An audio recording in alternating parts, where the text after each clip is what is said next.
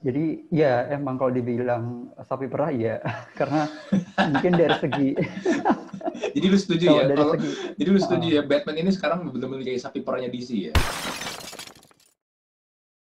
Kembali lagi di podcast Talk to Talk. Kali ini gua kedatangan seorang tamu. Dia adalah admin dari DC Comic Fans Indonesia, admin Twitter DC Comic Fans Indonesia. Namanya Agra. Apa kabar, Bro? halo Mas Andri, baik-baik. Makasih banget udah diundang ke Talk to Talk hari ini. Oh iya juga ini it's an honor for me juga kalau uh, Mas Agra sudah bersedia juga jadi guest di Talk to Talk untuk episode kali ini. Oke, uh, buat kalian yang juga follow DC Comic Fans Indonesia, uh, ini adalah kalau yang pengen tahu siapa sih admin di balik uh, akun Twitternya, ini adalah penampakannya orangnya. eh ngomong-ngomong Twitternya itu ada berapa admin sih? Satu, baru Oh, satu juga. Oh, Bener-bener baru satu. bener-bener Agra doang. Bener-bener gua doang. Iya. Bener, bener lu sendiri doang nih yang ini, yang manage. Oh, gua kira, Betul. Gua, gua kira, iya. gua kirain ada banyak orang. Masih one man show sampai sekarang. Oh, Oke, itu akun Twitternya ini mulai kapan ya?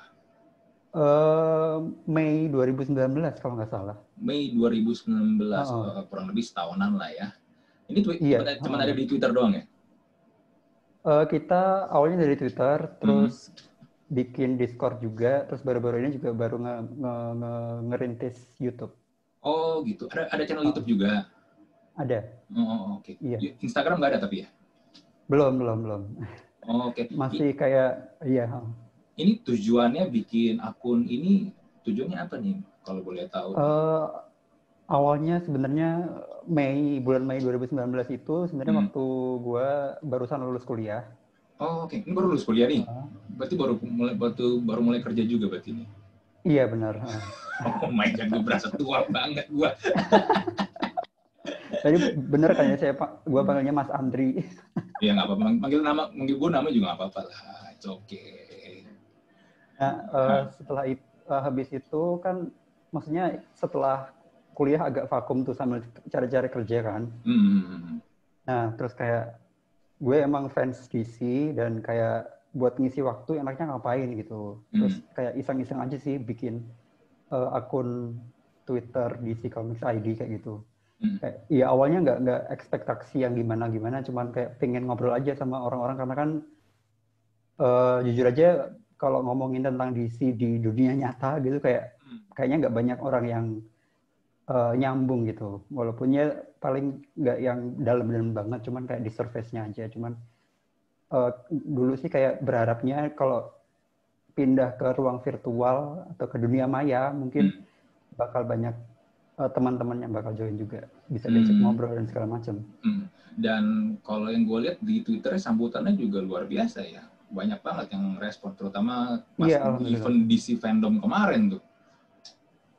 Iya, alhamdulillah. Eh, eh, ramai banget itu. Nah ini mulai demen DC komik ini dari kapan nih?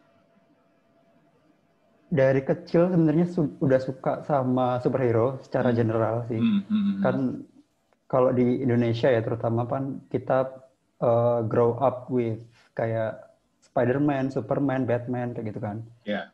Terus semakin ke sini lebih condong ke DC aja sih.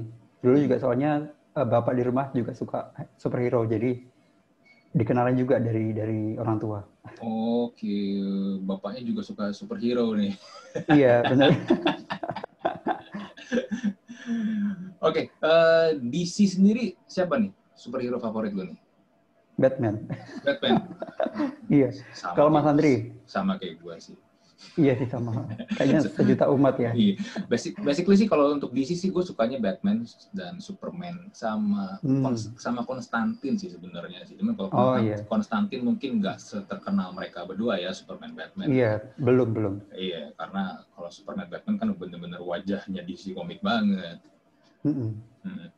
Ya, eh gua nih pengen ngajak lu ngobrol tentang DC fandom kemarin nih. Kemarin tuh karena bener-bener hype Oh, iya, banget, bener-bener. hype banget. Iya. Eh, beberapa trailernya pun yang kemarin keluar di DC fandom pun juga jadi trending topik di YouTube dan juga sempat juga trending topik di Twitter. Eh, nah, gue yakin lu pasti akan lebih banyak info-info dari lu sendiri. Nah, eh, tapi sebelum masuk ke DC fandom, gue penasaran sama lu kemarin itu tuh bener-bener begadang untuk update info-infonya itu. Iya benar. Jadi dari dari awal emang udah kan udah sejak kalau nggak salah dua bulan dua bulanan itu si, uh, si DC fandom itu diumumin kan. Hmm, betul. Terus ya udah dari awal tuh emang udah niat banget bakal begadang. itu kalau nggak salah mulai sekitar jam 12 jam 12 tepat iya, sampai pukul, jam 8 pagi. Iya, pukul 00 dini hari waktu Indonesia kan. Nah, kalau Mas Andri sendiri gimana? Uh, Mantengin dari awal atau Gua cuma nonton beberapa doang, namun akhirnya ya jujur aja gue karena faktor umur juga gue juga nggak bisa terlalu bisa begadang kayak dulu jadinya akhirnya yeah, gue pas siangnya gue gue ngeliatin yang itu tuh yang siaran ulangnya tuh kan siang masih di siaran yeah, ulang makanya, kan diulang lagi kayaknya kan. mereka juga ngerti kan kalau ini hmm. bakalan banyak banyak orang yang nonton dari seluruh dunia gitu jadi dibagi-bagi ada ada siaran ulangnya juga gitu jadi ya hmm. mengakomodir lah hmm. nah dari lu sendiri nih uh, apa nih yang menurut lu yang menarik banget nih yang kalau dari DC fandom kemarin yang menarik itu pertama karena ini ya, benar-benar satu DC itu kumpul semua sih. Hmm, itu kayaknya yang paling kalau nggak salah yang paling visiternya kayak, untuk acara itu berapa 20 juta ya kalau nggak salah denger ya. Iya, oh iya barusan tadi keluar hmm. datanya 22 uh, juta. Iya, 22 yang juta nonton. orang yang nonton DC fandom kemarin dalam hmm. waktu satu kali 24 jam itu sih gila banget sih. itu sih. Iya. ini itu seluruh dunia ya. Iya, makanya. Hmm dan emang unik sih dari kayak misalnya Comic Con ya kalau kita bandingin sama SDCC tahun ini kan hmm. cuman sekedar zoom zoom doang gitu. Maksudnya kalau yang di sini kan benar-benar kita bikin ruang virtual ya pakai green screen segala macam. Jadi iya betul. kelihatan effortnya sih. Hmm. nah dari kemarin update-update dari DC fandom sendiri apa nih yang menarik menurut Agra nih kalau buat gue sih yang dua highlightnya itu The Batman sama Snyder Cut sih. Oh. Yang paling gue tunggu-tunggu dan hmm. uh, ya uh, ekspektasinya nyampe sih kalau menurut gue.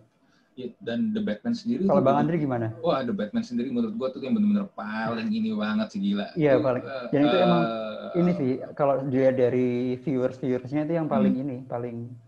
Terus kemarin kita juga sempat uh, ngadain poll kan di Twitter. Hmm. Hmm. Itu telak Batman menang.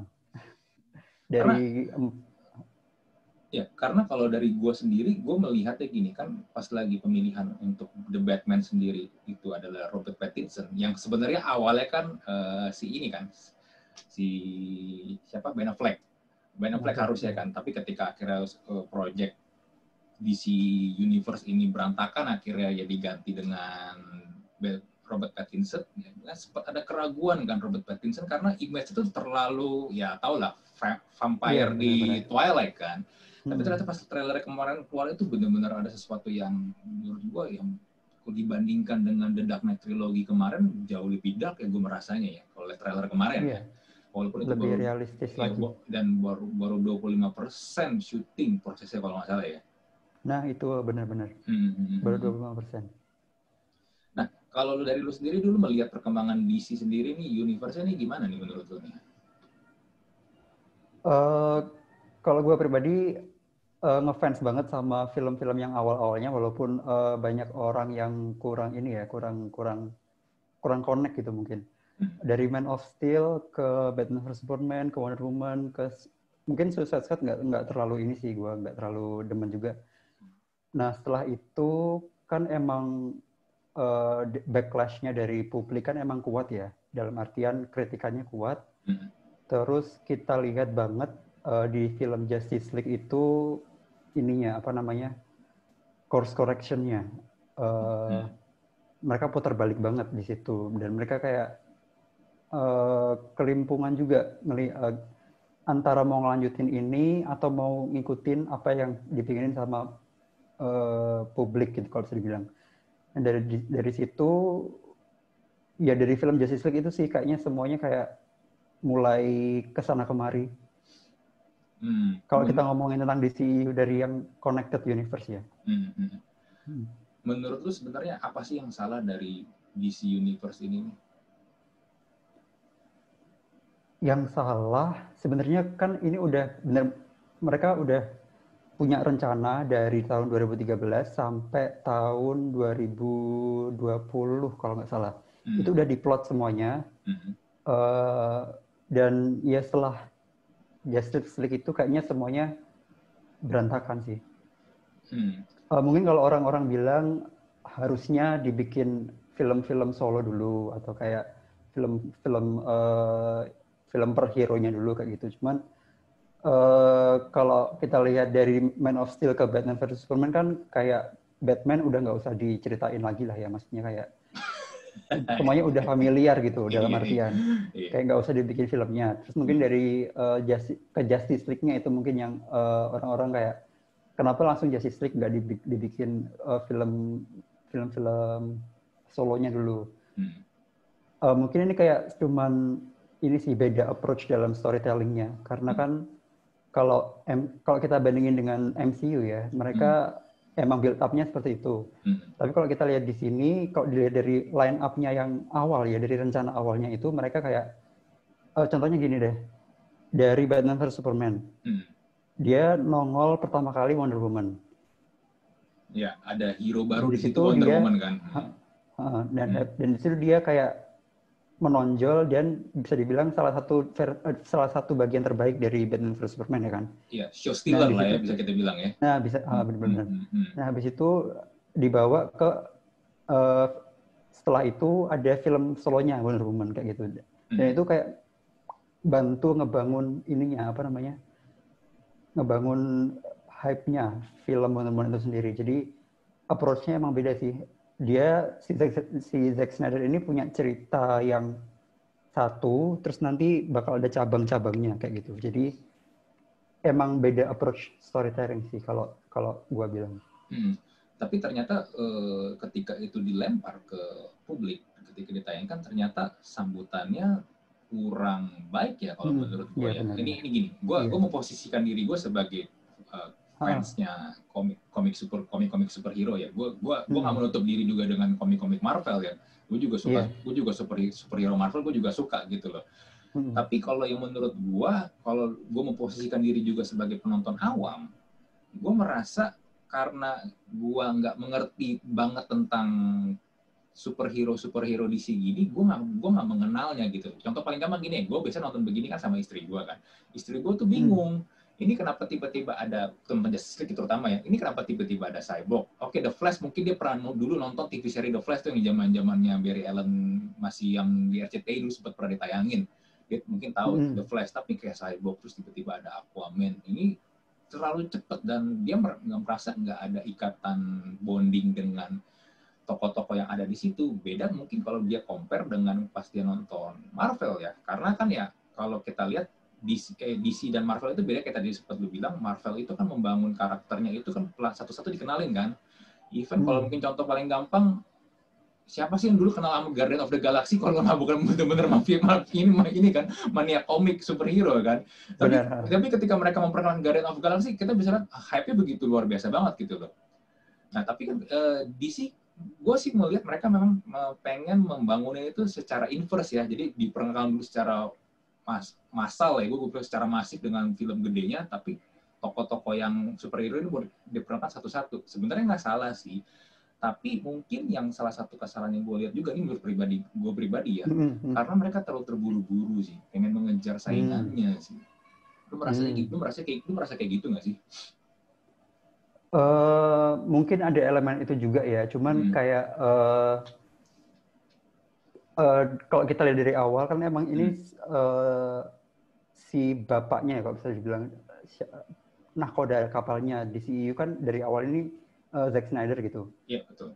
Jadi dia emang dia udah punya satu arc story, story arc yang itu nanti nggak bakal terlalu berlama-lama gitu loh. Dalam hmm. artian nggak bakal di terlalu di apa ya terlalu terlalu di milking kalau nggak kalau kalau bisa dibilang. Hmm. hmm. Jadi uh, ini juga mungkin nggak bisa kita apa namanya gua nggak juga nggak bisa bilang sekarang karena kita juga belum lihat Snyder Cut ya kan ya, tapi betul. kalau kita lihat di filmnya Justice League yang kita nonton itu emang benar kata yang uh, Andri tadi bilang hmm. kalau kita nggak care sama masing-masing ininya hmm. tokohnya kayak gitu hmm. karena di situ emang nggak dijelasin backstory dari apalagi kayak tokoh kayak The Flash, Cyborg sama Aquaman ya kan. Hmm. Itu nggak dijelasin di situ. Jadi mungkin ya ini gue di sini juga bilang juga ngomong di sini hmm. ngeramal doang. Jadi mungkin nanti bisa dilihat di Snyder Cut kayak gitu. Jadi ya walaupun kita nggak nggak belum belum tahu juga nanti Snyder Cut kayak gimana ya kan, tapi mungkin nanti bakal feel-nya lebih dapat, lebih dijelasin juga di situ karena durasinya juga kan empat jam gitu. Yeah. Kalau itu pun sampai nggak nyampe empat jam kayak itu buat apa kayak gitu. gue sempet waktu itu sempet bikin konten sama hmm. orang lain waktu itu ya. Uh, waktu pas pertama okay. kali ya Snyder Cut ini diumumin akan ditayangkan di HBO. Gue hmm. gue waktu itu gue bahas tentang apakah Snyder Cut ini akan bagus karena hmm. uh, waktu itu concern gue dengan temen gue waktu itu bahas ini adalah begini, Zack Snyder itu sutradara yang bagus secara dia bisa menampilkan visual tuh benar keren banget kayak contohnya kayak hmm. Watchmen itu itu benar-benar benar-benar karya yang bagus banget lah menurut gue. Tapi dia itu sebenarnya kan secara sutradara sutradara tapi dia tuh lemah menurut gue di satu hal. Bagaimana dia membangun plot cerita Hmm. To be honest. Yeah. To be honest, menurut gue Zack Snyder agak lemah di situ karena kalau lu perhatiin di film-film dia banyak banget beberapa hal itu suka lompat-lompat bridging antar plotnya itu kadang-kadang suka langsung cepet tek tek tek tek tek tek gitu loh. Ya, kalau lu emang penggemar komiknya atau lu pernah baca komiknya itu lu mah happy happy aja ya balik lagi kayak tadi gue bilang kan kalau tapi kalau lu orang awam lu kadang suka bingung ini apa coba tiba-tiba udah begitu gitu loh kan Iya benar. Jadi kemarin gue juga sempat lihat sih di Twitter itu ada ada yang nyeletuk gitu, mm-hmm. nyeletuk gini kalau Zack Snyder itu antara lo suka banget atau lo nggak suka banget kayak gitu. Jadi kayak mm-hmm. kayak makan duren. Kalau misalnya orang iya. Indonesia makan duren, mm-hmm. ada yang suka banget. Kalau ya, kalau suka dia suka banget, tapi kalau yang nggak suka ya dia nggak suka banget gitu. Jadi mm-hmm. mungkin uh, ya yang disayangkan juga ya dalam arti filmnya Zack Snyder itu sering sering kali di ini di dipotong-potong sama si studionya kayak Batman vs Superman misalnya yang mm-hmm. yang sekarang tam, yang sekarang udah beredar film uh, director cut-nya iya betul tiga jam gitu mm-hmm. dan di filmnya yang di bioskop dua setengah jam mm-hmm. jadi mungkin emang bener kalau misalnya kerasanya kayak kenapa habis ini ke sini kenapa habis ini ke sini kayak gitu mungkin mm-hmm. mungkin ada faktor itu juga sih dan kalau uh, apa ya tadi ya uh, visual dari segi visual emang hmm. emang dia ini sih bang ini, apa namanya mantep banget dan megang banget apalagi kan uh, kalau kita balik lagi komik komik kan juga medium uh, visual medium ya jadi hmm, hmm. kalau secara visualnya emang dia ini sih dalam membangun ikonik ikonik uh, imagery kayak gitu. Hmm. hmm. Nah uh, kemarin juga ada pengumuman tentang multiverse ini akan terus digarap sampai nanti, hmm. tapi belum tahu plannya nanti kayak gimana kan. Nah, hmm. dari lu sendiri gimana nih tentang multiverse? Oh ya, for information buat yang nonton atau yang denger, di DC Comic ini ada konsep multiverse. Jadi ada namanya mereka tuh bikin konsep itu Earth 1 sampai Earth 52. Jadi ada 52 bumi, jadi lu bakal bisa melihat Batman di Earth 1 dan di Batman di Earth 2 atau di Earth 52 itu itu bisa aja beda orang. Karena kalau nggak salah tuh waktu itu ada Batman yang di eh, Superman ya, itu Superman yang kalau waktu itu jatuhnya di Uni Soviet itu Superman Earth berapa ya? Iya. Lupa, lupa gue. Uh, itu Superman Red Sun, itu iya. Earth berapa ya? Uh. Gue rada lupa, gue rada lupa. Jadi ada satu Earth di Earth di mana tuh Superman itu tidak tidak jatuh di Amerika Serikat tapi jatuh di Uni Soviet. Hmm. jadi jadi kalau jadi ada konsep multiverse dan kabarnya nanti kan di film Solo The Flash pun konsepnya juga bakal mengusung multiverse ini karena kita akan ada melihat dua Batman yang udah konfirmasi ya Michael Keaton yeah, iya, Batman tahun 89 dengan Ben Affleck sebagai Batman yang memang yang Ezra Miller sebagai Barry Allen yang lihat Batman originalnya di di Earth-nya dia hmm. gitu kan. Ya Nah, menurut saya gimana nih konsep multiverse ini nanti kira-kira mau digarapnya sebab semana nih? Nah, mungkin lu ada update-update atau mungkin ada denger kabar gitu. Oh, jadi kan emang multiverse ini kan awalnya dari komik ya, konsepnya dari komik. Jadi hmm. uh, awalnya antar komik gitu. Hmm. Terus habis itu diadaptasi juga di uh, serial The Flash itu. Hmm. Jadi itu dalam dalam seri itu doang sih sebenarnya. Terus habis itu nanti ini terakhir bakal digarap satu DC kayak gitu. Hmm. Jadi uh, film, TV, uh, game, komik itu nanti disebutnya multiverse gitu. Tapi cuman nanti kalau yang cinematic multiverse-nya mungkin nanti cuma yang live action doang. yang TV sama movie kayak gitu. Nah, di sini nanti uh, mungkin memang belum banyak uh, mainstream ya, belum belum hmm. mainstream ya hmm. um, istilah multiverse kayak gitu. Dan nanti bakal dikenalin pertama kali itu di filmnya The Flash tahun 2022. Hmm. Itu nanti uh, mengadaptasi, mengadaptasi storyline yang judulnya Flashpoint. Hmm. Nah, yang belum tahu istilah Flashpoint itu di uh, jadi ada satu storyline di komiknya The Flash. Hmm. Itu dia jadi The Flash itu salah satu kekuatannya dia karena bisa lari cepat. Nah, saking cepatnya dia bisa me, me, melebihi ruang batas dan waktu gitulah ceritanya. Yeah. Nah, jadi jadi dia bisa balik ke masa lalu kayak gitu. Nah, di sini kalau kita lihat kan superhero superhero di DC ini punya masa lalu yang tragis ya kan, kebanyakan kebanyakan. Yeah. Salah satunya bener. Barry Allen ini. Iya benar benar. Salah satunya salah satunya The Flash ini. Hmm. Dia uh, orang tuanya, uh, ibunya dibunuh sama salah satu musuhnya dan ayahnya ini dituduh jadi pembunuhnya kayak hmm. gitu. Hmm. Nah di sini ceritanya tuh kemarin di sempat disinggung juga di fandom kalau uh, Flash uh, The Flash ini salah satu hero yang bisa mengubah masa lalu yang tragisnya dia itu. Hmm. Nah jadi di sini di Flashpoint ini ya dia bakal balik ke masa lalu buat berusaha buat nyelamatin ibunya kayak gitu. Nah, kalau di komiknya itu nanti kayak gimana ya kayak konsepnya tuh kalau dia ngerubah sesuatu di masa lalu walaupun itu kecil dampaknya itu bisa sangat besar kayak gitu. Hmm. Nah, tapi di filmnya nanti itu bakal beda karena uh, yang berubah itu dia bakal ngebuka pintu multiverse kayak gitu. Jadi kita bakal ketemu sama Batman versinya Ben Affleck, Batman versinya Michael Keaton. Dan kemarin kalau kita lihat, kita baca di artikel yang ngeberitain pertama kali kalau Mike, kalau siapa namanya Ben Affleck bakal balik, itu nanti sebenarnya kayaknya nggak cuma mereka doang yang bakal balik. Kayaknya hero-hero jadul, aktor-aktor jadul kayaknya juga balik. Cuman kita belum tahu siapa aja. Dan kalau boleh komen lagi, sebenarnya konsep multiverse ini buat DC kayak semacam apa ya kayak kayak gimmick gitu kalau bisa dibilang. Hmm. karena udah bisa karena tadi udah sempat dibahas juga kalau di sini kan sebenarnya sejak Justice League ini kayak udah ke mana-mana ya kan, apalagi cinematic universe-nya. Hmm. Nah jadi dengan dilabelin multiverse itu, jadi dia kayak mereka bakal makin bebas aja gitu.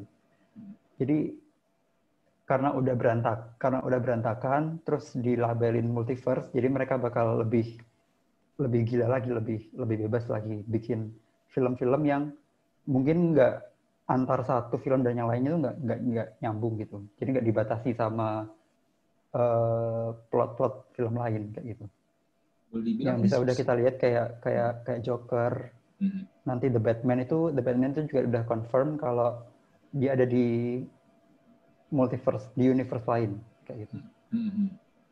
Hmm. Boleh dibilang ini seperti ini nggak sih senjatanya DC, DC dan juga Warner Bros untuk seperti soft reboot dengan bikin hmm. konsep multiverse gini ya karena tadi kayak seperti itu sempat mention dia tadi kan ini sebenarnya udah berantakan nih ya daripada gua harus bikin lagi dari nol ya gue bikin aja namanya multiverse dengan mm dengan dengan tipping pointnya adalah flashpoint dari the flash ini nih iya benar Lalu? Iya, mungkin ntar juga mungkin ntar juga bakal dijelasin di di eh nggak juga sih ya karena The Batman kan rilisnya sebelum The Flash jadi mungkin hmm. uh, nggak jadi gue mau pengen bilang kalau mungkin nanti The, The Flash bakal dijelasin kalau The Batman bakal di universe sendiri tapi kan uh, The Flash ini setelah The Batman rilis gitu. Hmm. Lalu gimana dengan nasibnya Superman nih? Ini hmm. Superman yeah. ini menurut gue adalah sebenarnya superhero jualan utamanya DC Comic juga, tapi kita lihat kayak nasibnya nggak jelas ya. Iya, kayak kemarin juga di fandom ininya kurang banget konten Superman-nya. -hmm. Kalau bisa dibilang, ya ini sih ya, karena Superman itu salah satu karakter yang menurut gua kalau gua lihat juga di diskusi-diskusi itu salah satu karakter yang sulit buat di ini, buat ditulis, buat dibikin ceritanya karena banyak ininya sih banyak karena kan kita udah punya versi yang banyak nih Superman tentang Superman hmm. dari yang uh, versinya Christopher Reeve sampai hmm. sekarang uh, Henry Cavill kayak gitu nah hmm.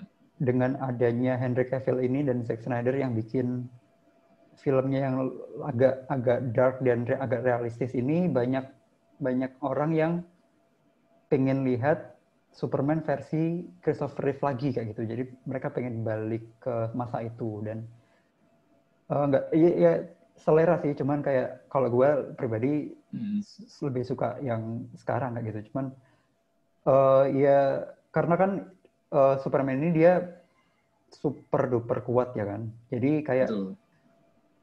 Susah aja dibikin cerita yang menarik gitu. Apalagi dia harus selalu baik kan kayak gitu. Jadi gimana sih bikin cerita Superman yang benar-benar menarik gitu dengan powernya dia yang yang super powerful kayak gitu. Karena yang di Justice League kemarin pun, yang versinya Joss Whedon pun banyak orang mengkritik Superman terlalu ini overpower ya. Karena ketika dia muncul di akhir-akhir Stephen Wolf tiba-tiba kalah. Uh, Stephen Wolf kalahnya gampang banget yeah. gitu loh. Ya tapi memang Superman kan basically memang kuat kan. Yeah. Superhero terkuat di DC kan emang iya. Superman. Iya, maka dari itu kan uh, menariknya dia uh, mungkin musuh bebuyutannya kan Lex Luthor. Malah dia nggak punya kekuatan apa pun. Jadi ya itu sih menariknya mungkin yang bisa dieksplor lagi. Iya, dulu kan terkenal dengan Mind Over Muscles kan kalau pas Superman yeah. lawan Lex Luthor kan. Tapi hmm. mungkin kalau dari gue secara pribadi ya, gue agak bosen sih kalau harus ini di tandingkan dengan Lex Luthor lagi ya karena mm-hmm. di hmm. versi Christopher Reeve gue udah ngelihat yeah. Superman lawan Lex Luthor di Superman mm. Return versinya Brandon Roth gue udah ngelihat Superman lawan Lex Luthor ya sebenarnya ekspektasi okay, gue iya, ekspektasi gue sebenarnya untuk Superman ya secara pribadi gue tuh pengen lihat Superman tuh berantemnya tuh yang bener-bener gila sih. Karena sebenarnya musuh Superman gak hanya Lex Luthor. Dan pas lagi hmm. di Man of Steel sebenarnya gue cukup puas ya walaupun ada beberapa hal yang menurut gue agak kurang juga sih. Kayak tadi lu sempat bilang ag agak terlalu dark Superman-nya dan sometimes beberapa plotnya itu terlalu dragging sih. Jadinya ke sana terlalu hmm. lambat gitu kan. Tapi secara battle gue suka karena ya Superman itu berantemnya sebenarnya ya kalau lu kalau lu baca atau nonton Dragon Ball sebenarnya Superman itu berantem harus kayak model-model kayak Dragon Ball. Iya kan? Yeah. karena memang karena memang sebe, emang sebegitu powerfulnya Superman gitu. Karena Superman punya musuh-musuh yang kuat juga.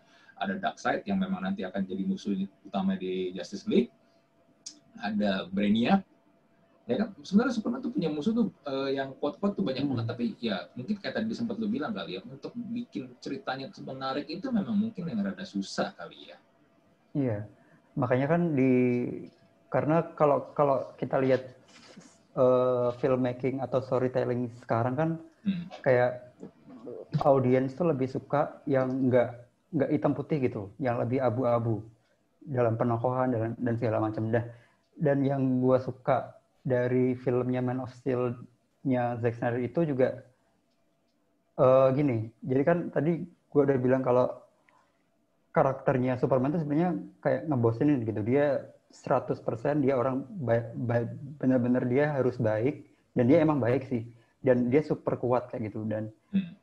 Uh, dan Zack Snyder sendiri dalam salah satu interviewnya pernah pernah ngomong yang menurut gue menarik sih karena kayak uh, kalau lo bilang Superman itu kalau Superman itu baik dan lo bilang itu ngebosenin kayak hmm.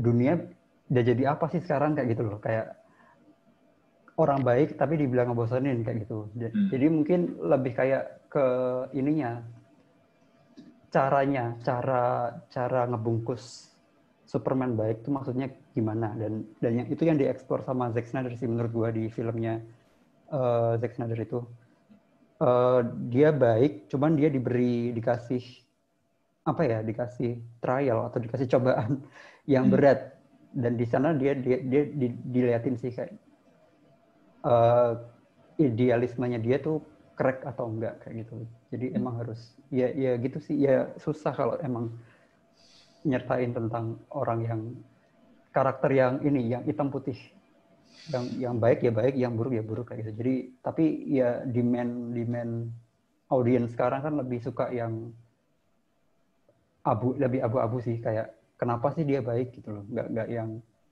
dia brojol lahir langsung baik kayak gitu Hmm, hmm, hmm. Dan gue sendiri pernah baca, kalau nggak salah sebenarnya ketika Zack Snyder membangun konsep Superman untuk di DC Universe sendiri, sebenarnya dia memakai konsep Mesias kan di Superman ini kan. hmm.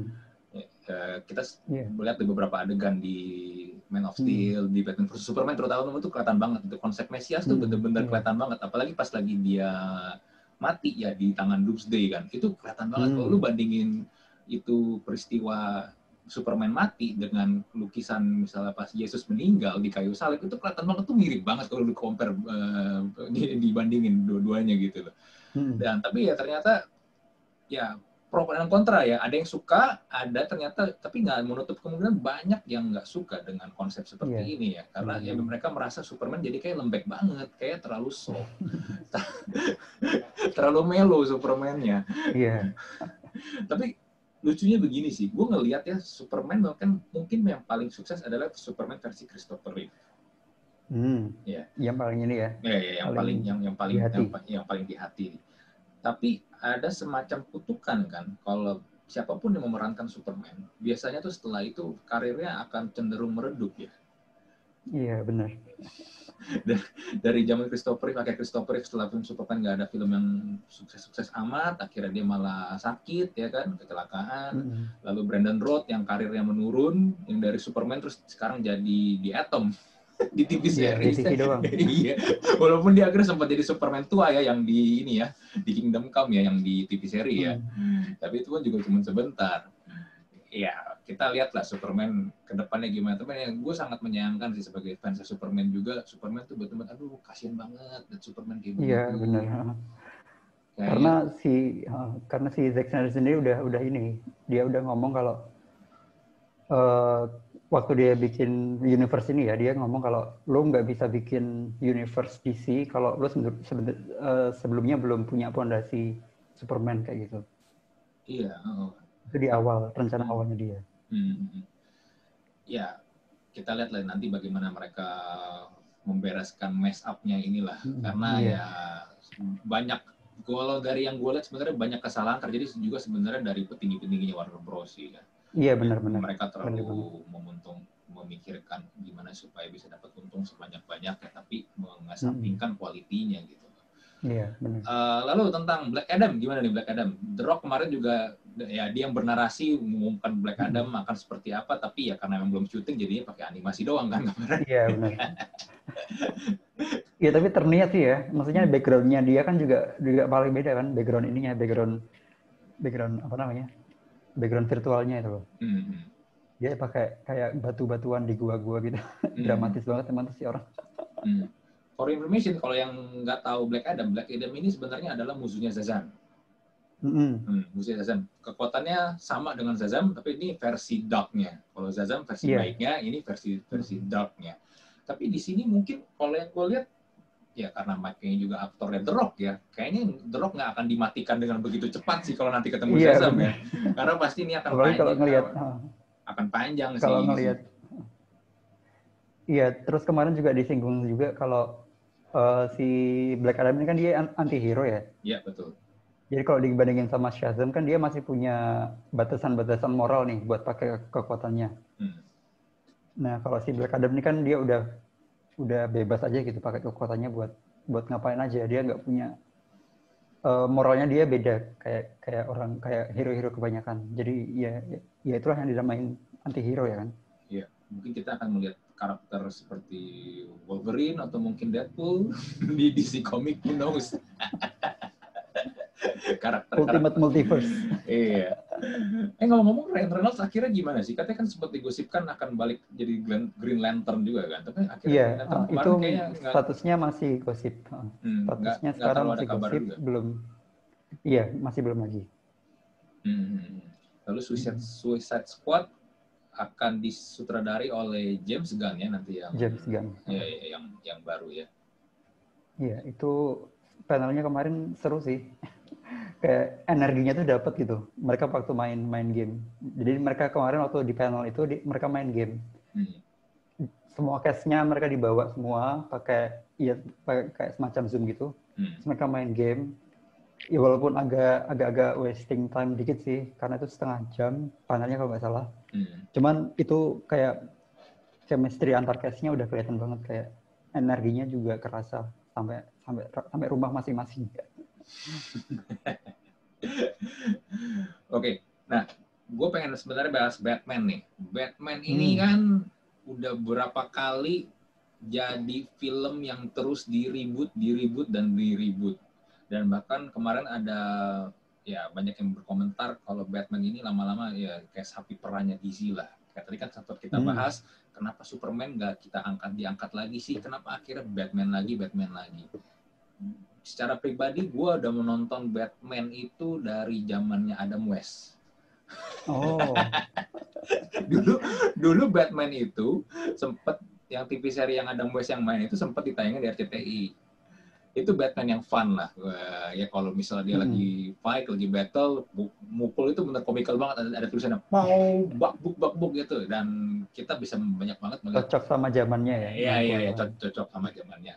Lalu melihat Batman yang lain versinya di Michael Keaton, Val Kilmer, lalu yang yang yang gagal total juga Josh Clooney sampai akhirnya Kristen Bell dan Ben Affleck dan akhirnya sekarang Robert Pattinson. Itu gue udah banyak melihat banyak banget versi Batman. Dan apa akhirnya kan gue juga setuju apakah Batman benar-benar menjadi sapi perannya DC hmm. iya karena di di di di ini di banyak di banyak di semua di semua medium hmm. itu Batman yang paling tengah dari komik itu kita udah nggak bisa hitung lagi mungkin judul komiknya Batman itu berapa yang yang jalan bersamaan. Hmm. Terus game juga kan semuanya Batman centric hmm. selama ini. Terus habis itu di TV juga ya ya lumayan sih ya. Ada dulu ada ada Gotham, terus sekarang ada Batwoman, terus di Titans ini sekarang ada Batman juga sama keluarganya. Hmm. Terus di film kan juga ini barusan di, di, di, dibahas. Hmm. Jadi ya emang kalau dibilang sapi perah ya karena mungkin dari segi Jadi lu setuju ya kalau segi, jadi lu setuju uh, ya Batman ini sekarang benar-benar kayak sapi perahnya DC ya. Iya, cuman balik lagi kalau kalau gue kan emang fansnya Batman ya, jadi hmm. ada bias mungkin ada bias. tapi kalau kalau tapi gue dengar juga sih deritanya orang-orang yang pengen uh, lihat lihat karakter lain gitu. Hmm.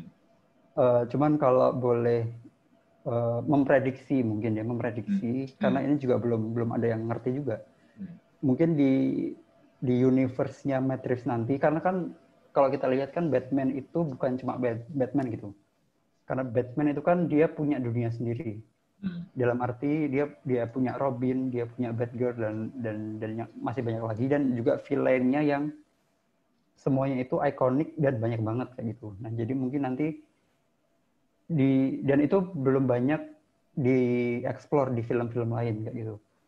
Nah, Betul. jadi mungkin nanti mungkin mungkin dan semoga sih kalau misalnya emang uh, si Matrix ini bakal lanjutin lagi, mungkin bakal dibuka ini universe-nya Batman kayak gitu. Dan karena karena uh, udah diumumin juga kalau film The Batman ini bakal punya spin-off serial, serial spin-off. Oh iya, bener, bener, bener, bener. Uh, Lihat kalau nggak salah Batman iya. yang ini Batman yang ini bukan tahun pertamanya dia ya.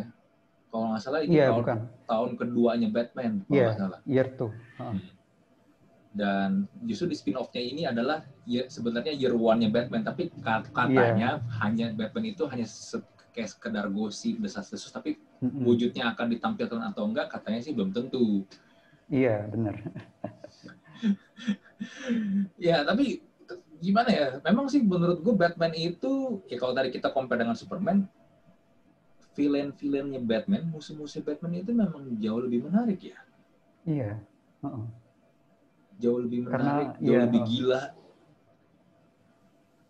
Benar, karena kan uh, ya itu kalau mau dibikin yang realistis lagi kan itu benar-benar psikologis ya. Hmm. Uh, Bat, uh, Superman apa namanya? Uh, villain-villainnya si Batman ini. Hmm. Ya bisa dilihat lah dari film Joker ya kan, walaupun nggak nggak nggak nggak komik akurat, cuman hmm. udah bisa merepresentasikan sih menurut gue. Hmm. Nah, lu sendiri dari semua Batman yang udah pernah ada, siapa tuh Batman favorit lu? Antara Christian Bale sama Ben Affleck.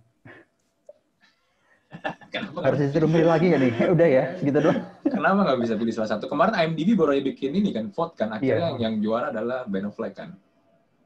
Yang di Twitter, yang di Ah, Twitter Ben ah, Affleck, ah. yang di Instagram Christian Bale. Nah, Iya, jadi eh, kalau kalau bisa dibilang eh kalau boleh ini lagi milih lagi, jadi kalau Batman gue lebih suka eh Christian Bale. Kalau Ben kalau Bruce Wayne gue lebih suka Ben Affleck. Gitu. Jalan Kenapa? tengahnya.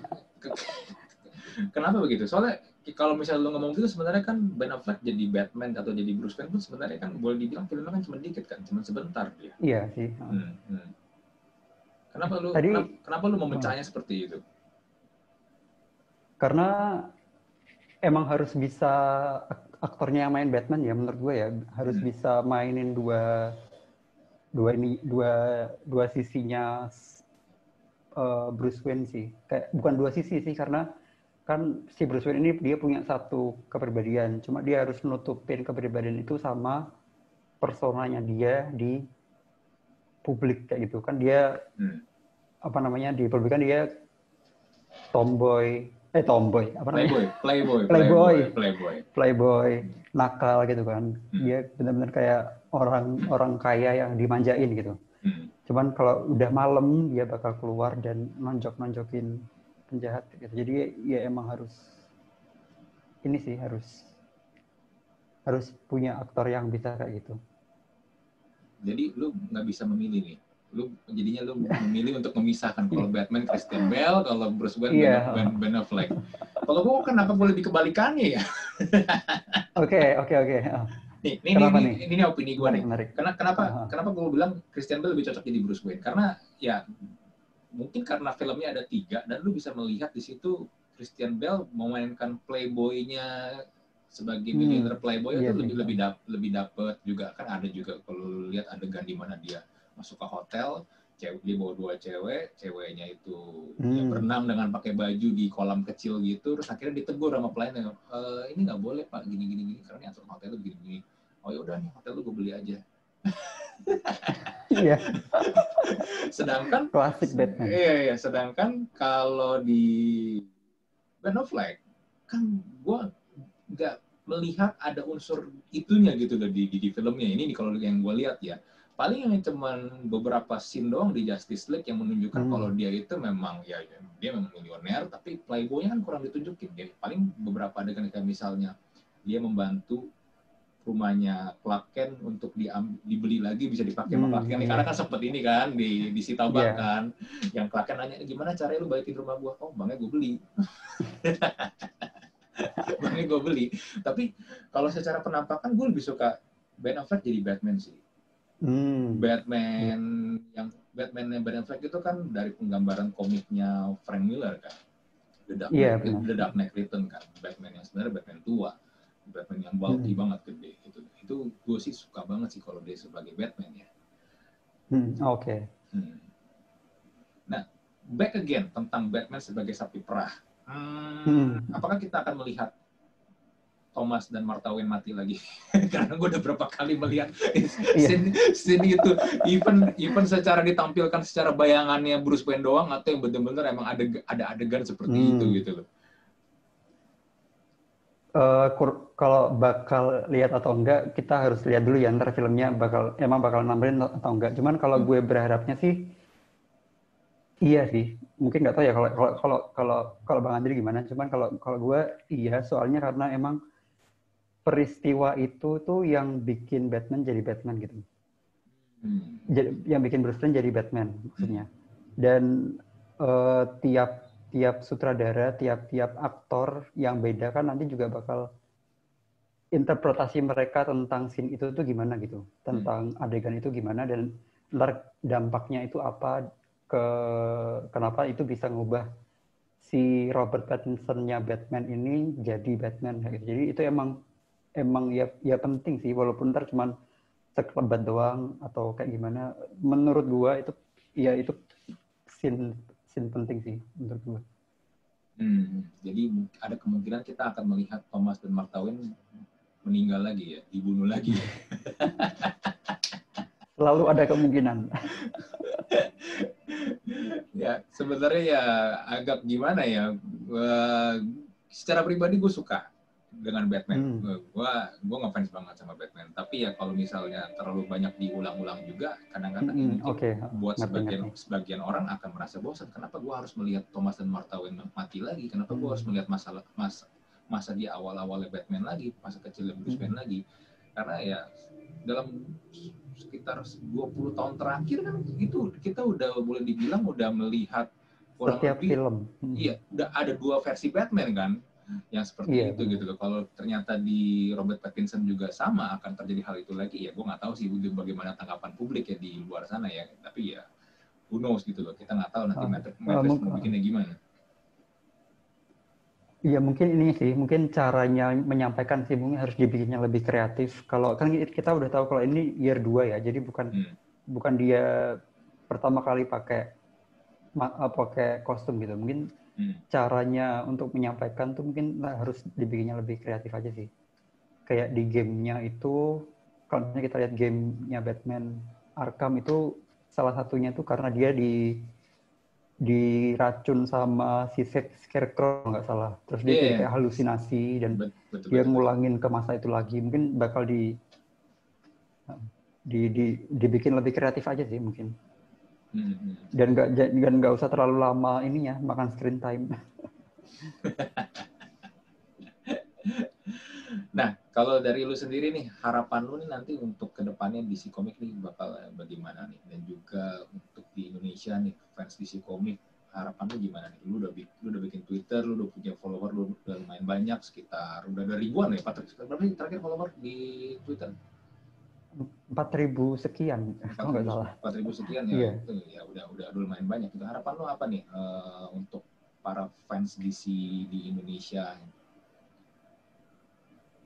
uh, iya dari kalau hmm. kita lihat dari DC fandom ini hmm. kita udah lihat kalau uh, di brand DC sebagai brand itu udah semakin terintegrasi hmm. antara uh, gamenya TV, komik, dan film itu udah semakin terintegrasi dalam arti uh, brandnya itu jelas gitu. Kalau kalau dulu kan kayak mereka jalan sendiri-sendiri kan. Hmm. Ya walaupun sekarang juga jalan sendiri-sendiri, cuman kayak sekarang bener-bener ada di satu ini, kayak di satu feel-nya ya, cuman feel-nya doang sih. Feel-nya tuh kayak bener-bener ini, ini kita satu brand gitu. Hmm.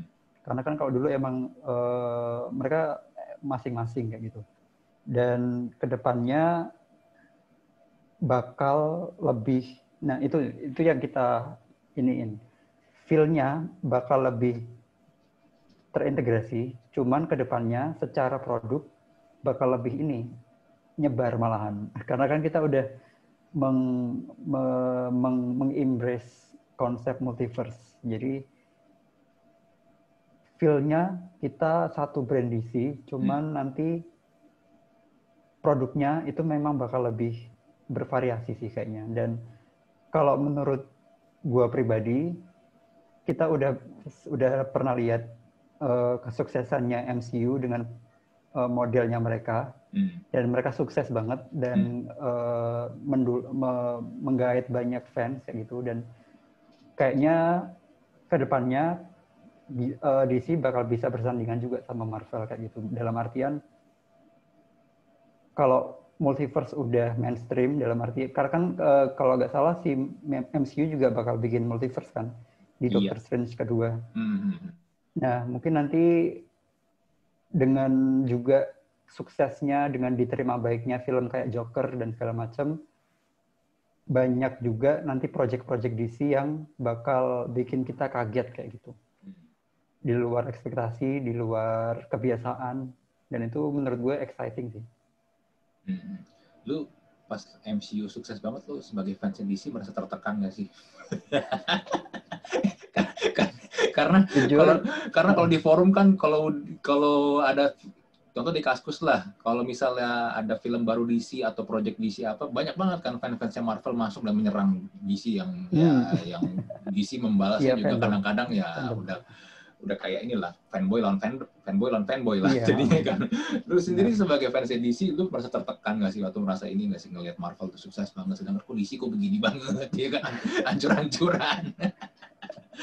Enggak sih sama sekali. Dalam artian emang gua nggak kalau kalau ngomongin Marvel, gua Hmm. sama sekali ham- hampir hampir buta tentang mitologi mereka, tentang cerita mereka. Hmm. Cuman kalau filmnya, filmnya itu gua ini sama kayak film DC dalam artian gue nonton filmnya itu hari pertama rilis gitu. Jadi emang dan sebelumnya udah beli tiket duluan kayak ya nunggu-nunggu juga kalau kalau ngomongin tentang filmnya kayak gitu. Hmm. Jadi kalau ngerasain hype-nya sih sama aja sama hype-nya sih. Kalau ngomongin tentang filmnya ya. Hmm. Mm. Apa Cuman kalau di luar itu emang gue pribadi nggak nggak terlalu ngikutin. Hmm. Apakah lu salah satu orang yang juga nonton jam 5 pagi pas kemarin film Avengers Endgame? Enggak, Oh enggak. sayangnya enggak. Kalau gue sebenarnya biasanya sih ini jam sekitar jam 10-an gitu kan itu eh, tempat berkumpulnya fanboy fanboy ya biasanya kan ramenya hari pertama jam 10 sekitar jam 9 jam 10 itu kan rame-ramenya fanboy dan audiensnya tuh lebih hidup sih kalau jam-jam segitu. Hmm. Oh ya eh, ngomongin tentang fan war Hmm.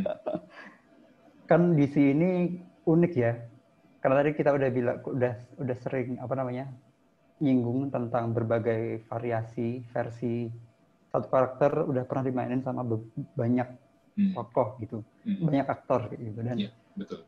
nah itu bikin bikin fans di dalam DC sendiri pecah jadi kita nggak cuman ngeladenin nggak cuman ngeladenin fan war dengan MCU atau dengan fanboy lain tapi di dalam dalam fandom kita sendiri itu juga banyak perpecahan gitu dan di dalam Pecahnya kayak gimana? Berantem di- sendiri gitu maksudnya?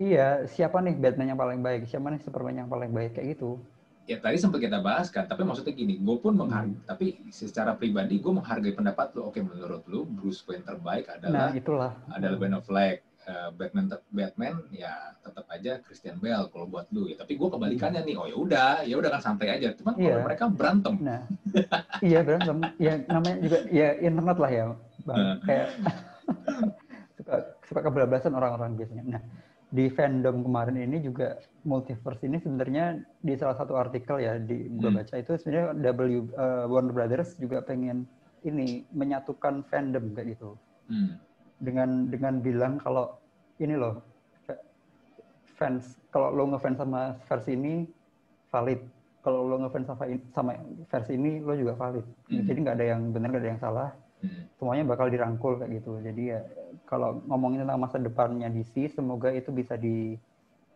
ditanamkan juga di dalam fans fans DC kayak gitu Tapi ini gue jadi inget nih ya, pas tadi lu sempat bilang sesama fans DC juga berantem.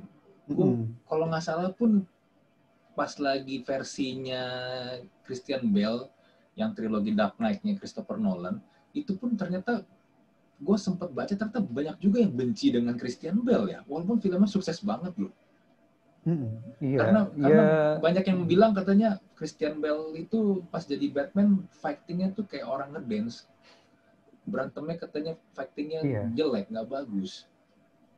Mm, ya bisa dimengerti sih karena emang kalau menurut gue eh, salah satu elemen terlemahnya Christopher Nolan itu tentang ini sih ngebangun actionnya dia ini agak kurang apalagi di yang terakhir ya di The Dark Knight Rises itu ini sih banyak banyak juga video-video di YouTube kayak tahu-tahu nggak dipukul musuhnya jatuh sendiri kayak detail detailnya sih detailnya kayak kurang aja Iya, tapi cuman keseluruhan ya itu masterpiece sih Ya, it- iya, bener-bener gue setuju. It- It's, it's a master- masterpiece gitu. Sekarang kalau lu ngomong tentang film superhero ya, eh, siapa yang bisa menandingi The Dark Knight Hmm, iya, yang waktu iya itu sih. yang musuhnya Joker kan? Ya, even kalau kita Hmm. ngomong secara pemasukan box office, mungkin set eh, Avengers memang yang kayak Endgame sama Infinity War mungkin memang sekarang lebih ya, nggak salah udah, udah lewatin Dark Knight gitu secara pemasukan. Iya ya. banget. Iya kan secara pemasukan tapi kalau kita lihat sampai dapat Academy Award dari filmnya itu sendiri yang Heath Ledger sebagai best supporting actor maksud gua itu itu bener-bener masterpiece banget kan Iya. secara pribadi pun gue ngelihat even si Christopher Nolan sendiri nggak bisa mengulangi kesuksesan The Dark Knight. The Dark Knight Rises agak turun kan, bener gak? iya benar, benar-benar. Soalnya dia juga setengah hati kan, sebenarnya dia udah udah males bikinnya, tapi mungkin kontrak ya, kalau nggak hmm. salah. Hmm. Jadi dia balik lagi. Iya, dan emang Dark Knight ini bukan cuman superhero, salah satu film superhero terbaik, cuman tapi juga dia film sih, salah satu film terbaik yang pernah ada sih, kalau menurut iya. gue sendiri. Iya, dan membuat benchmark film superhero itu jadi tinggi banget gara-gara hmm. film The Dark Knight sih. Itu menurut gue adalah salah satu hal yang luar biasa yang Christopher Nolan lakukan di trilogi yeah. Dark Knight. Hmm. Ya tapi ya kalau ngomongin fans gimana ya? ngomongin orang kadang ada aja nggak puasnya, ada aja yang yeah, salah di, di, di mata para fans atau di mata para netizen. Iya, yeah. di, di di kita juga sih, gue bikin bikin akun DC Comics ID ini jarang nulis tentang opini. Kita cuma kayak update dan kita ya ngasih platform doang sih buat ngobrol. Hmm. Jadi kita nggak nggak memaksakan ini yang paling baik, ini yang paling baik, ini yang yang kurang baik kayak ya karena karena gue sendiri ya punya pasti punya lah ya maksudnya preferensi pribadi hmm. cuman kalau dalam gue mengelola akun Twitter gue mm, kita membiarkan followers kita buat uh, apa namanya ngasih opini mereka kayak gitu. Lu pernah ngasih lempar topik ada yang berantem akhirnya ujung-ujung di replay replayan. Twitter masa itu buat Twitter gitu loh. Kalau di Twitter yeah. kayaknya kalau sampai nggak pernah ada yang berantem kayaknya agak agak ini ya aneh. Lu pernah ngasih ada yang berantem? Iya sih dulu dulu waktu awal-awal kan mungkin masih ininya ya hype-hype-nya jadi belum bisa ngontrol emosi. Berantem gara-gara kenapa tuh? Aduh, udah udah udah lama banget sih cuman apa ya? Udah lupa juga tentang tentang apa ya? Aduh, nggak nggak nggak bisa nggak bisa ingat. Tapi pernah ada yang berantem gara-gara dulu cuma lempar topik doang gitu? Iya sih, kayaknya pernah kalau nggak salah. Nah lu bisa kalau misalnya ada yang berantem gitu, gimana tuh? Lu lu dilihat-diliatin atau lu blok orang-orang? Hmm. Atau biarin aja? Lu biar... biarin aja, iya. Hmm. Tapi sejauh ini sebagian besar ini sih mereka uh, ngasih opini doang kayak ya udah maksudnya dalam artian sehat sih diskusinya selama ini. Hmm. Nah, lu pas mungkin karena followersnya juga belum yang kayak besar-besar banget gitu jadi. Hmm. Nah, lu sendiri dapatkan informasinya itu lu lu gimana tuh flow-nya sampai akhirnya lu lu bikin karena yang gue lihat lu lumayan ini ya uh, lumayan hmm. cukup bagus secara konten lu juga niat banget buat ngedesainnya hmm. bikin bikin konten-konten gambarnya lu lu flow-nya tuh gimana karena kamu sekarang ternyata gue juga baru tahu ternyata lu juga sambil kerja kan Iya. Hmm. Uh, jadi kalau berit ya jadi emang emang ini sih gue satu sisi kan gue juga fans nih jadi gue nunggu nunggu juga berita hmm. namanya berita di situ gue juga nunggu nunggu juga hmm. dan kalau misalnya udah ada berita nih kalau udah ada berita ya langsung kita share cuman kalau misalnya kayak apa ya kayak sesuatu yang lebih ke konten selain berita kita masih punya waktu buat ngedesain dan segala macam dan ini sih lebih kayak kita juga uh, kalau ngomongin berita kan ada berita yang valid, ada berita yang gosip atau rumor. Mm -hmm. Nah itu kita mencoba banget buat kayak membedakan itu karena kalau kita ngomongin soal rumor doang kan kayak ekspektasinya para pembaca kan juga bisa ini. Loh kemarin katanya kayak gini, kok sekarang malah kayak gini. Terus kita ya bilang kan dulu cuma rumor kayak gitu.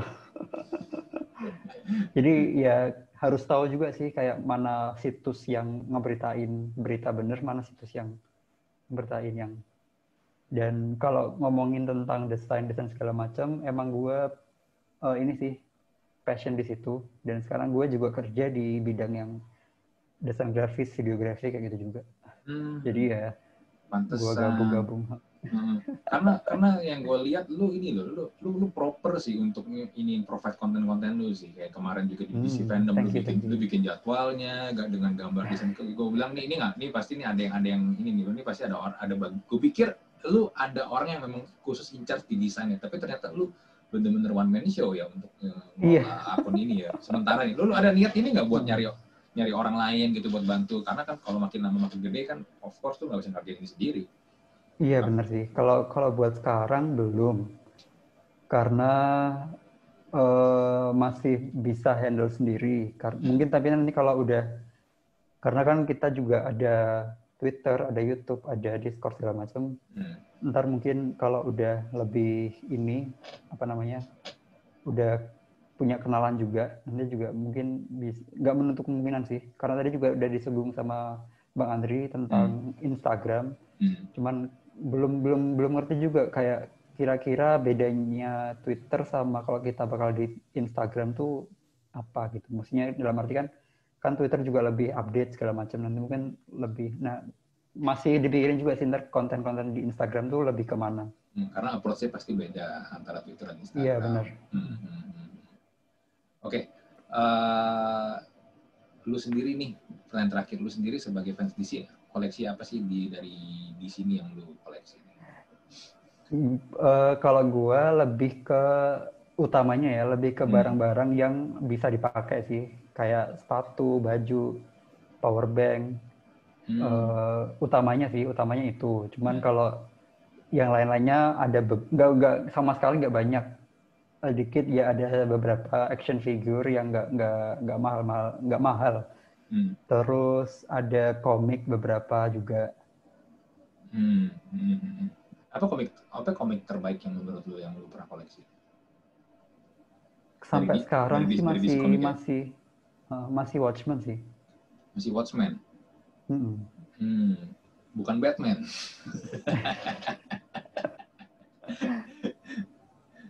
Iya masih kalau sampai sekarang masih Watchmen yang paling bagus menurut menurut gua.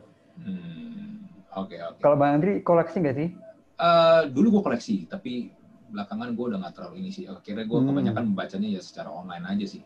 Tapi menurut Iya, gue kalau untuk di DC Comic sekarang ya, sekarang, Hmm. sekarang ini menurut gue yang paling the best dari DC Comic adalah Injustice sih. Hmm. Hmm, Injustice itu menurut Iya. gue tuh paling the best sekarang ini. Sebelumnya The Dark Knight Return, Frank Miller. Oke. Hmm. Malah gua belum punya tuh, masih masih ini, masih nabung. Tapi setelah gue baca Injustice, oh my god, itu ceritanya bener-bener liar banget. iya banget. Nanti mau dibikin lagi se- eh, prequelnya kalau nggak salah, Year Zero. Iya iya iya itu gila. Buat Injustice Year Zero. mm, buat kalian yang mungkin nggak tahu atau nggak ngikutin DC Comic, ada namanya DC Comic tuh bikin namanya Injustice God Among Us di mana Superman itu jadi jahat. dan jadi ada dua kubu, kubu Batman dan kubu Superman. Ini semua terjadi karena kenapa? Karena Louis Lane-nya mati. So itu Iya, bener-bener benar. itu bener-bener itu gila banget dan di situ mungkin pertama kali atau gue nggak tahu ya, apakah nanti berikutnya bakal ada kejadian kayak gini. Pertama kali gue ngeliat Superman bunuh orang. Iya, Dia bunuh Joker. So, iya. ini- Makanya tadi kan sekali lagi Hmm. gimana caranya bikin Superman tuh menarik gitu loh. Hmm, hmm, Kan salah satunya ya itu Injustice itu. hmm, iya. Ya, itu ha. itu bener-bener salah itu komik tuh paling gila banget tuh liar banget Mm, itu. liar banget. Hmm. Oke, eh, buat Agra, ini sekarang berarti Twitter kalau mau follow di mana Twitternya? Di at DC Comics ID. Kita di DC. Twitter. DC Comics Audio. Oke, di YouTube-nya? YouTube-nya search aja di DC Comics ID juga. Hmm. Bisa di search langsung. Hmm. Terus kita kalau mau join di obrolan kita di Discord juga bisa di discord.io slash DC Comics ID. Oke, nanti linknya gue bakal taruh di deskripsi. Jadi kalau Oke, kalian you, mau follow atau pengen join juga diskusi di Discord, kalian bisa langsung klik aja di bawah. Oke, thank you Agra. Udah, Thank you, Bang Andri. Udah, udah, udah, jadi udah mau bersedia jadi tamu di sini. Kita ngobrol-ngobrol tentang DC banyak banget. Iya, seru banget. ini kita ngobrol udah hampir sejam ini. udah sejam malah kalau nggak salah ya. udah sejam lewat malah. Ya, Oke, nggak thank you. kayak gini. Iya, iya. Thank you banget loh ya. Iya, thank you, thank you.